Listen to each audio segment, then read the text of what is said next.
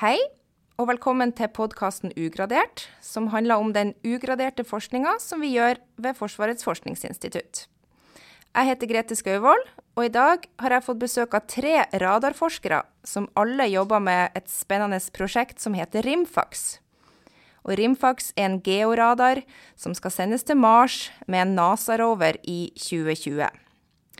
Så da vil jeg først få ønske deg, forskningsleder Svein Erik Hamran, velkommen. Eh, allerede sommeren 2014 så fikk du en eh, hyggelig beskjed. Ja, da fikk jeg telefon fra en direktør i NASA som var leder av alle planetutforskninger i NASA, Jim Green, hvor han sa at vi var utvalgt til å være med på, eller utplukka til å være med på den neste NASA-roveren, Mars 2020. Da hadde vi allerede jobba ganske mange måneder med dette prosjektet. Vi starta i Jeg husker ikke når tid det var, men det var vel Ja, det var høsten 2013 starta vi med eh, å jobbe med dette forslaget. Da hadde NASA gått ut med en såkalt AO. Er eh, Announcement of Opportunity, der de gir mulighet for instrument utviklere til å foreslå nye instrument som skal være med denne Mars 2020-roveren. Og da, sendt, da jobba vi høsten 2013 jobba vi opp et forslag til en radar som vi kalte Rimfax. Og det forslaget ble sendt inn i januar 2014. Altså over et halvt år før vi fikk telefon fra NASA. Det er egentlig ganske spesielt at vi ble valgt ut. Er, du kan si litt om hvor mange instrumenter som skal være på den neste roveren? Ja, det var eh, 58 forslag til instrument som vi sendte inn til NASA. Og det var syv instrument som ble valgt ut. Så, eh, og konkurransen er ganske stor, vil jeg si, på dette. For det er ganske populært å være med på en NASA-rover. Men hvordan hadde det seg at eh, FFI meldte seg på i den konkurransen? Ja, det hadde vel med å gjøre at jeg hadde jobba i ganske mange år med radarer til Mars. da. Første gang jeg var med på et forslag til, til Mars, var i 1994. Som var Skulle sende en sonde, eller en lander, til Nordpolen på Mars forslaget heter Mars Polar Pathfinder. Nå ble ikke det plukka ut. Men eh, det var liksom starten. Eller jeg starta eh, noen år tidligere Det er et postdok i Paris og jobba med en Mars-radar, som heller ikke beina av. Og eh, neste gang jeg var med på et forslag, var i 98. Da ble jeg faktisk spurt om å være med på to forslag. Og takka nei til det ene og ja til det andre. Og det var det jeg takka nei til, som fikk oppdrag. Og så Neste gang var i 2003. Det var til den europeiske roveren ExoMars og et, en radar som heter Wisdom. Der er jeg med som co-principal investigator på den. Så det har vi da jobba med på FFI i noen år. Vi har drevet med utvikling av såkalte ultrabredbåndsradarsystem på FFI i noen år. Og vi, og vi lagde egentlig prototypen til denne Georadaren som skal være med ExoMars, lagde vi på FFI i 2006-2007. Og eh, denne radaren har også vært brukt på FFI til eh, medisinsk eh, radar. Å se på hjerte og pust. Fjerndeteksjon av hjerte og pust. Og også avbilde hjertet inni kroppen. Så denne siste prosjektet, eller dette Rimfax-prosjektet, er jo en en siste trinn i denne utviklinga av mange radarsystem som vi har gjort her på FFI. Ja. Og Du nevnte da at Rimfax er en georadar. Kan du forklare litt hva det er? En georadar er en, et instrument som ser ned i bakken. De fleste kjenner vel til eh, seismiske undersøkelser der du sender lydbølger ned i bakken. Og dette bruker de f.eks. i oljeleiting. Det radar bruker radiobølger, elektromagnetiske bølger, som sendes ned i bakken. Og da vil disse bølgene reflekteres fra endringer i geologiske strukturer ned i bakken. Og reflekteres opp og kan da avdekke geologiske strukturer ned i bakken. På jorda så ser vi ikke så dypt med georadar. Kan se noen meter, kanskje 10-20 meter, i vanlig geologisk materiale. For tapet av disse bølgene er veldig stort. Men eh, på Mars er det veldig tørt og, lite, og fins ikke vann. Så der eh, regner vi med at vi kan se mye dypere og se mye mer ned i bakken. Så det er, det er et instrument for å se ned i bakken. Så langt så har de roverne som har vært på Mars, har skrapa i overflaten. Kanskje to-tre centimeter ned i bakken. Under der eh, er det ingen som vet hvordan det ser ut på Mars. Og hva er hva er oppgaven til eh, Rimfax? Ja, Rimfax er, oppgaven til Rimfax er å hjelpe roveren, Mars 2020-roveren.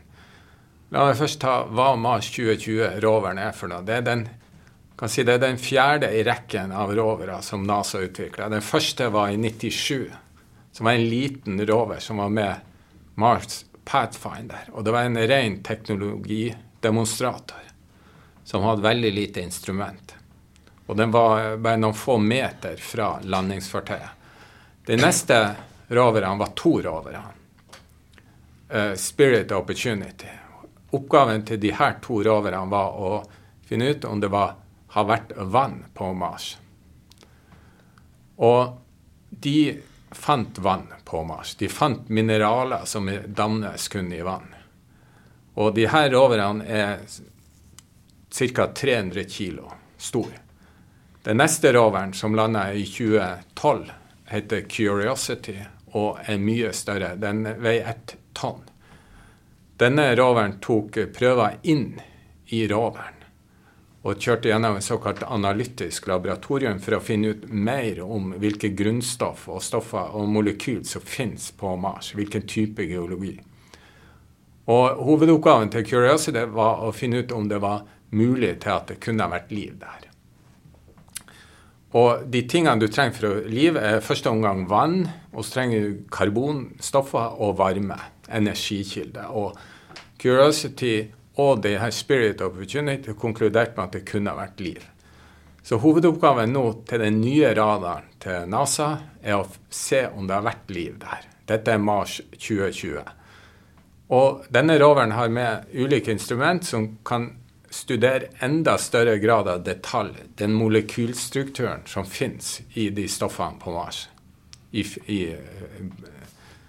i berggrunnen på Mars. Men for å vite hvor du skal se etter prøver, så ønsker de å finne ut hvilken type geologi roveren kjører gjennom. Og da er det de to hovedinstrumentene er kamera og rimfaks. Rimfaks kan se ned i bakken og se sedimentære lag for å hjelpe eh, vitenskapsteamet som jobber med roveren, til å si om hvilken type geologi roveren kjører gjennom. For det er veldig viktig at roveren ikke kaster bort tid for å ta prøver der det ikke er, geologien ikke er korrekt. Dvs. Si at det har vært vann. Det nye også med denne Mars 2020-roveren er at den skal ta prøver for retur til jorda. Altså sample and cashing for retur til jorda. Det, det har ikke vært gjort ikke før? vært gjort før. Så dette er første trinn i en såkalt sample return fra Mars. Det er, det er mye å tenke på når man skal utvikle noe til, eh, til så spesiell, eh, et så spesielt sted som Mars. Så da tenkte vi å høre litt med Leif Damsgaard, som eh, leder instrumentutviklinga av Rimfax. Kan du fortelle oss litt om hvordan det er å utvikle et instrument som skal sendes til Mars? Ja, Det er jo litt uh, forskjellig fra det som vi har jobba med før. da. Så Vi har jo jobba på jorda. Det er jo, uh, det er jo sånn at eh, det er alltid en operatør med. Ja. Og er det noe som skjer, så kan operatøren liksom gå inn og fikse på småting i radaren. da. Men nå skal de jo egentlig sende et instrument veldig langt av gårde, og det koster veldig veldig mye penger å sende det dit. Sånn at du må lage et instrument som du er mer enn 100% sikker på fungerer korrekt hele tida. Så dette er jo nytt for oss, sånn sett. Men radar som sådan og selve teknologien og sånn, den har vi jo jobba med i veldig mange år. Så den er vi veldig, veldig trygge på. Men hva er det som er spesielt med å, å Er det noen spesielle tester man må gjøre? Det, kan du fortelle litt om det? Det er veldig mye tester, og det er samtlige detaljer som du må ha full kontroll på. Så det betyr at hver enkelt lille lodding eller bare en skru eller en komponent og sånn, må jo være gjennomtesta og gjennomtesta og gjennomtesta i det uendelige. Sånn at du er helt, helt sikker på at dette fungerer. Kan du forklare, fortelle litt hva slags eh, hva denne Rimfax består av? Ja, den er jo en litt sånn halvstandard radar da, med bygd opp med elektroniske komponenter. Litt sånn standardkomponenter som vi ser på jorda, men der de komponentene har vært igjennom en omfattende test. da, Som gjør at de kan overleve de forholdene som er på Mars. Og eh, Det som er spesielt på Mars i forhold til jorda, det er jo det at eh, temperaturen er ekstrem. Altså utenfor roveren så er det kanskje minus 110-120 grader. Og så kan det bli også på dagtid og, og kan komme opp i godt over 100 grader. Da. Og sånne komponenter det får du i prinsippet ikke kjøpt i butikken for uh, normal bruk, for det eksisterer jo ikke på jorda. Mm. Så uh, samtlige av de komponentene som vi uh, bruker, de må ha vært igjennom test. Og har de ikke vært igjennom en sånn test, så må vi gjøre det sjøl, da. Og eh, vi har jo kjørt noen tester på komponenter som ikke er allerede kvalifisert for Mars. Mm. Og det er en sånn tre måneders test der vi i prinsipp må verifisere at komponenten overlever tre år på Mars, altså over 3000 Mars-døgn. da.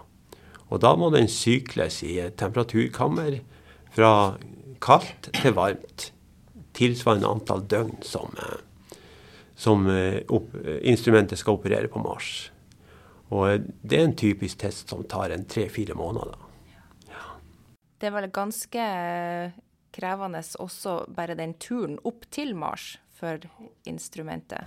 Ja, den er jo selvfølgelig spesiell. Men den er liksom sånn at eh, når vi leverer instrumentet fra oss, så skal det jo monteres på den roveren, da i, eh, i renrom og veldig sånn detaljert og riktig montering.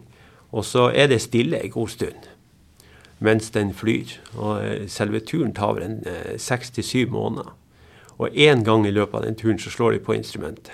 Og så ser de at det fungerer, og at det er i live. Og så slår de det av igjen, og så er det helt stille helt til det lander. da. Og så slår de på instrumentet etter de er sikre på at de kommer fram. Og eh, da får vi jo selvfølgelig håpe at eh, alt fungerer, at det er liv i instrumentet. Det får vi håpe. Det er i hvert fall stor ståhei når vi får de første dataene fra instrumentet. Altså. Ja. ja. Ja, vi, dere, eh, da skal vi ta, gi ordet videre til forsker Mats Jørgen Øyan. Du har sammen med Svein Erik Hamran nylig kommet hjem fra Svalbard? Ja, det stemmer. Hva har dere gjort der? Ja, der har vi testa denne prototypen vår. da. Eh, og Grunnen til at vi drar opp til Svalbard, er eh, som Svein Erik sa i stad, at eh, på jorda så, så, vil en georadar ofte se ganske kort ned i bakken, en, kanskje en 10-20 meter. Mens på Mars regner vi med at det er mye lavere tap. Så da gjelder det å finne et sted på jorda som vi kan teste radaren vår med et litt lignende materiale. Og da bruker vi isbreene på Svalbard, som er ganske gode å teste radar på. Da vil vi se Det er ganske lavt tap i dem, så da ser vi like dypt som det vi ja, ikke tror, men kanskje håper å kunne se på Mars. da. Hvordan foregår ei sånn prototyptesting på Svalbard? Ja, nei, Vi bor, eh, vi flyr da først til Longyearbyen, og så flyr vi videre med et lite propellfly til Ny-Ålesund, som er en sånn bitte liten forskningsby litt eh, nord for, for eh, Longyearbyen. Og så bor vi der, og da drar vi ut med snøscootere. Så monterer vi opp radar, radaren vår og antenne på snøscootersleden. Så kjører vi over isbreen på langs. da. Det tar eh, ja, fra en time til noen timer å kjøre en sånn helt profil. Må kjøre litt sakte. Kjører i en sånn 15 km i timen da, for å ta opp data. Det høres så sakte ut, men denne roveren som skal kjøre på Mars, den kjører atskillig saktere. Mm. Hvordan gikk eh, testinga i, år? For dere eh, testa en tidligere prototype i fjor med Ja, gode det- resultater. Det vi hadde med nå, da, vi har jo eh, Radarsystemet vårt er jo egentlig to hoveddeler. Det er en elektronikkboks og en antenne. Så vi hadde Den antenne vi hadde med, er egentlig en, den ligner veldig på den antenna som kommer til å bli sendt til Mars. Men eh, det er jo når vi kaller det en prototyp, da. For den er ikke helt, helt ferdig utvikla ennå. Eh, og elektronikken, der har vi en, eh, en radar som vi har brukt, som da har eh, helt lik oppførsel, eller ganske lik oppførsel som den, eh, den Rimfax-elektronikken vil ha. Det er litt tidligere prototype, det da, enn antenna. Så eh, det vi testa da, var hovedtesten var antenne og moder. Og eh, det var veldig vellykka, egentlig. Så vi fikk gjort det vi skulle. Og det er veldig viktig å få en sånn bekreftelse på at vi er på rett vei. Å dra ut og gjøre faktiske opptak av data, ikke bare ha PowerPoint-ting å vise fram. Og det er både veldig godt for oss som utvikler det, men det er også fint å kunne vise fram til JPL, da, Jet Propulsion Laboratories, som følger oss opp, som styrer hele prosjektet Mars 2020. Ja, du sa eh, JPL, og det er jo et, eh, et eh, kjent internasjonalt navn sammen med NASA. Kan du, Svein Erik, si litt hvordan det er å, å samarbeide med sånne store institutt og eh, legendariske organisasjoner? Jo, det er jo veldig morsomt. Og det første du legger merke til, at dette er ekstremt flinke folk. Det gjør det. At vi har, vi har ganske mye møter med dem. Vi har eh, såkalt weekly meeting. Vi har telefonmøte med Jet Propulsion Lab en gang i uka. Hver onsdag fra fire til fem har vi møte. I tillegg så kommer de på besøk hit hver tredje måned. Og har eh, De kommer en ti stykker da, fra Jet Propulsion Lab. Og eh, i de diskusjonene vi har da, så ser du at det er veldig flinke folk. Og de greier å, å gjennomskue ganske kjapt hvis vi har noen eh, ting som vi kanskje ikke forstår helt, eller ikke er helt på stell. Det ser de. Fordi de som jobber i dette prosjektet på JPL, de, mange av de har vært med på alle roverne som har landa på Mars. Det er det samme teamet som landa Curiosity, som nå jobber i Mars 2020. Og noen av de her har vært med siden den første som landa i 97. Så de har lang erfaring, og de greier å gjennomskue med en gang hva som er viktig, og hva som ikke er viktig for oss i vår utvikling. Så jeg har skjønt at det, det har vært og er en del eh, milepæler i en sånn utviklingsprosess som, skal, eh, som man skal igjennom. Og eh, dere har jo på en måte kommet over alle de, eller eh, innfridd på de milepælene som har vært. Men kan du si litt om hva som eh, skjer fremover? Ja, det er såkalt review, som de kaller det. Gjennomgang av status i utvikling av instrumentet. Og vi har hatt et sånn fase A-review, og så har vi hatt noe som heter preliminary definition review. Hadde vi i januar i år. Nei, i november i fjor. Og så skal vi ha det neste store reviewet eh, i november i år. 3.-4. november. Det er det siste store reviewet vi har i prosjektet. Og det, et, det kalles Instrument Critical Design Review. Og det er et såkalt kritisk design review der alt må være på stell. Og i NASA-systemet så, så gir de her revyene reviewene de gir da mer og mer penger. Så ved CDR, Critical Design Review, så får du penger til å utvikle flight-instrumentet, det dyreste. Eh, Det som koster masse penger. Så neste milepæl eh, for oss er CDR 3.-4. november i 2016. Men uh, den her skal jo skytes opp i 2020, men uh, FFI må være ferdig, og Rimfax må være klar lenge før den tid. Ja. Vi har en uh, krav på å levere instrumentet til JPL sommeren 2018. To år før. To år før eh, oppskyting. Ja. Og da kommer vi til å dra bort i løpet av høsten 2018 eller eh, våren 2019 og være med på å skru fast eh, rimfagsradaren på roveren og gjennomføre tester på Jet Propulsion Lab. Så tar de da og tester, skrur fast alle instrumentene, tester hele roveren.